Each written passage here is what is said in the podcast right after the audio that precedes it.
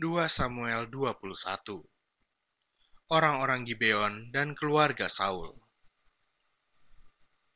Dalam zaman Daud, terjadilah kelaparan selama tiga tahun berturut-turut. Lalu Daud pergi menanyakan petunjuk Tuhan. Berfirmanlah Tuhan, pada Saul dan keluarganya melekat hutang darah, karena ia telah membunuh orang-orang Gibeon. Lalu raja memanggil orang-orang Gibeon dan berkata kepada mereka, Orang-orang Gibeon itu tidak termasuk orang Israel, tetapi termasuk sisa-sisa orang Amori, dan walaupun orang Israel telah bersumpah kepada mereka, Saul berikhtiar membasmi mereka dalam kegiatannya untuk kepentingan orang Israel dan Yehuda. Daud berkata kepada orang-orang Gibeon itu, Apakah yang dapat kuperbuat bagimu, dan dengan apakah dapat kuadakan penembusan, supaya kamu memberkati milik pusaka Tuhan?' Lalu berkatalah orang-orang Gibeon itu kepadanya, Bukanlah perkara emas dan perak urusan kami dengan Saul, serta keluarganya. Juga bukanlah urusan kami untuk membunuh seseorang di antara orang Israel. Tetapi kata Daud, Apakah yang kamu kehendaki akan kuperbuat bagimu? Sesudah itu berkatalah mereka kepada raja, Dari orang yang hendak membinasakan kami, dan yang bermaksud memunahkan kami, sehingga kami tidak mendapat tempat di mana pun di daerah Israel. Biarlah diserahkan tujuh orang anaknya laki-laki kepada kami, supaya kami menggantung mereka di hadapan Tuhan di Gibeon, di bukit Tuhan. Lalu berkatalah raja, Aku akan menyerahkan mereka. Tetapi raja merasa sayang kepada Mephiboset bin Yonatan bin Saul, karena sumpah demi Tuhan ada di antara mereka di antara Daud dan Yonatan bin Saul. Lalu raja mengambil kedua anak laki-laki Rispa binti Aya yang dilahirkannya bagi Saul, yakni Armoni dan Mephiboset.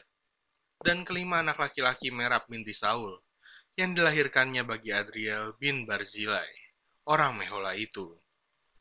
Kemudian diserahkannya lah mereka ke dalam tangan orang-orang Gibeon itu. Orang-orang ini menggantung mereka di atas bukit, di hadapan Tuhan. Ketujuh orang itu tewas bersama-sama. Mereka telah dihukum mati pada awal musim menuai, pada permulaan musim menuai jelai. Lalu Rispa binti Ayah mengambil kain karung dan membentangkannya bagi dirinya di atas gunung batu. Dari permulaan musim menuai sampai tercurah air dari langit ke atas mayat mereka.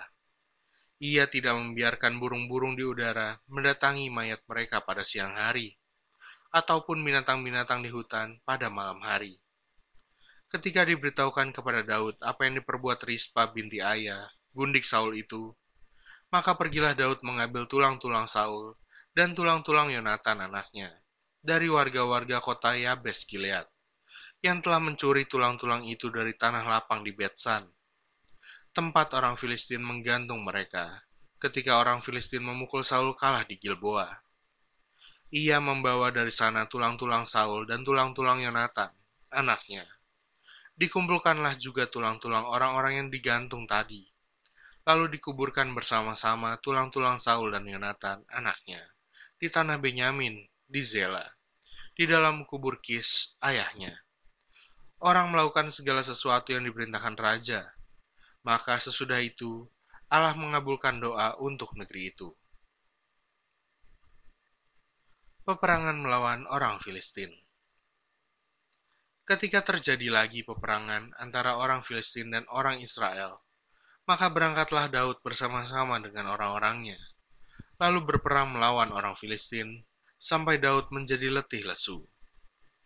Isbi Benob, yang termasuk keturunan raksasa, Berat tombaknya 300 shikal tembaga, dan ia menyandang pedang yang baru. Menyangka dapat menewaskan Daud.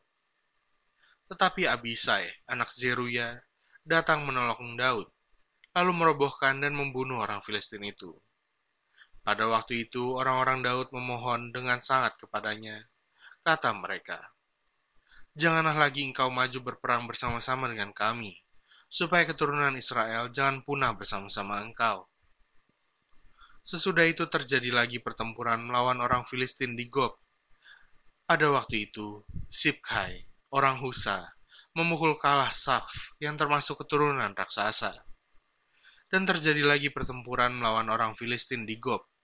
Elhanan bin Yaare Oregim, orang Bethlehem itu, menewaskan Goliat, orang Gad itu, yang gagang tombaknya seperti pas tukang tenun.